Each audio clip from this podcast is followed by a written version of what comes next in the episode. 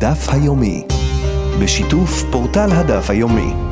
מגיש דובי שחור.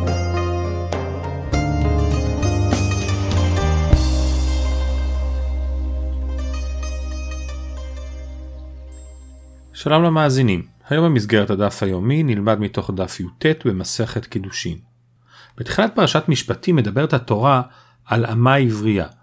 אחד הדינים שקשורים באמה הוא מצוות הייעוד. וכי ימכור איש את ביתו לאמה, לא תצא כצאת העבדים. אם ראה בני אדוניה לא יעדה ואפדה, לעם נוכרי לא ימשול למכורה בבגדו בה. ואם לבנו ייעדנה, כמשפט הבנות יעשה לה. ייעוד הוא מצווה שמשמעותה היא שמי שברשותו אמה עברייה, שהיא בת הנמכרת על ידי אביה לעבוד ברשות הקונה בעודה קטנה, מצווה עליו להתחתן איתה, על ידי שמייעד ומייחד אותה עבורו או עבור בנו. הייעוד חל על ידי זה שאומר לה בפני שניים הרי את מקודשת לי. והחל מהייעוד היא נעשית אשתו לכל דבר, ועליו להתנהג עמה כאישה ולא כעובדת שלו או אמה שלו. אצלנו בסוגיה מקשר יש לקיש האם אדם יכול לייעד את האמה שלו עבור בנו הקטן. צד אחד אמרה התורה ואם לבנו יעדנה, כלומר כולל כל בן, כולל קטן. אבל מצד שני, ייתכן שבנו הכוונה למישהו בסטטוס של האב, כמו שאם האב, האדון, מייעד, והוא אדם בוגר, כך גם במצוות הייעוד של הבן, הבן חייב להיות גדול. רבי זרע פושט את הספק מפסוק בפרשת קדושים. מה כתוב? ואיש אשר ינאף את אשת איש, אשר ינאף את אשת רעהו, מות יומת הנואף והנואפת.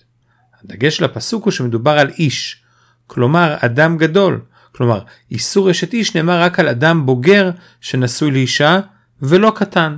ואם נאמר שאב יכול לייעד את בנו הקטן לאמה, יוצא שיש מושג של נישואי קטן. אם כך, מדוע הפסוק פוטר קטן מאיסור אשת איש?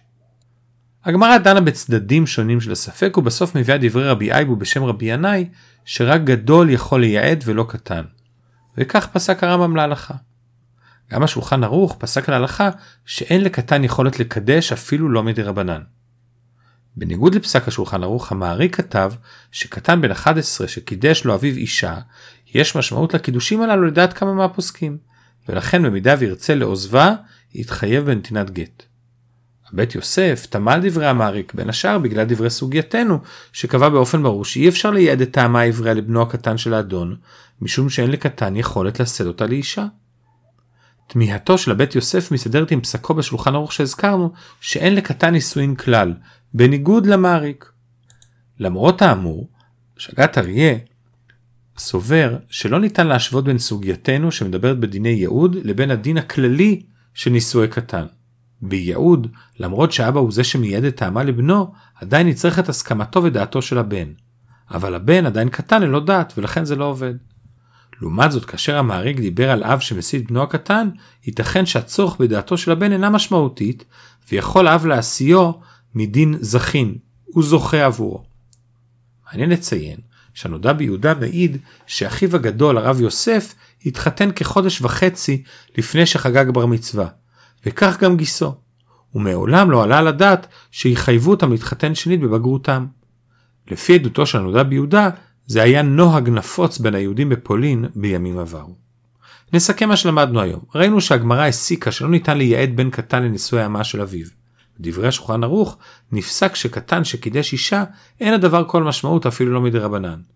דעתו של המעריק היא שייתכן שיש משמעות לקידושין שקידש אב את בנו הקטן, וכנראה בעקבות כך נהגו בכמה קהילות לחתן גם קטנים כפי שהעיד הנודע ביהודה.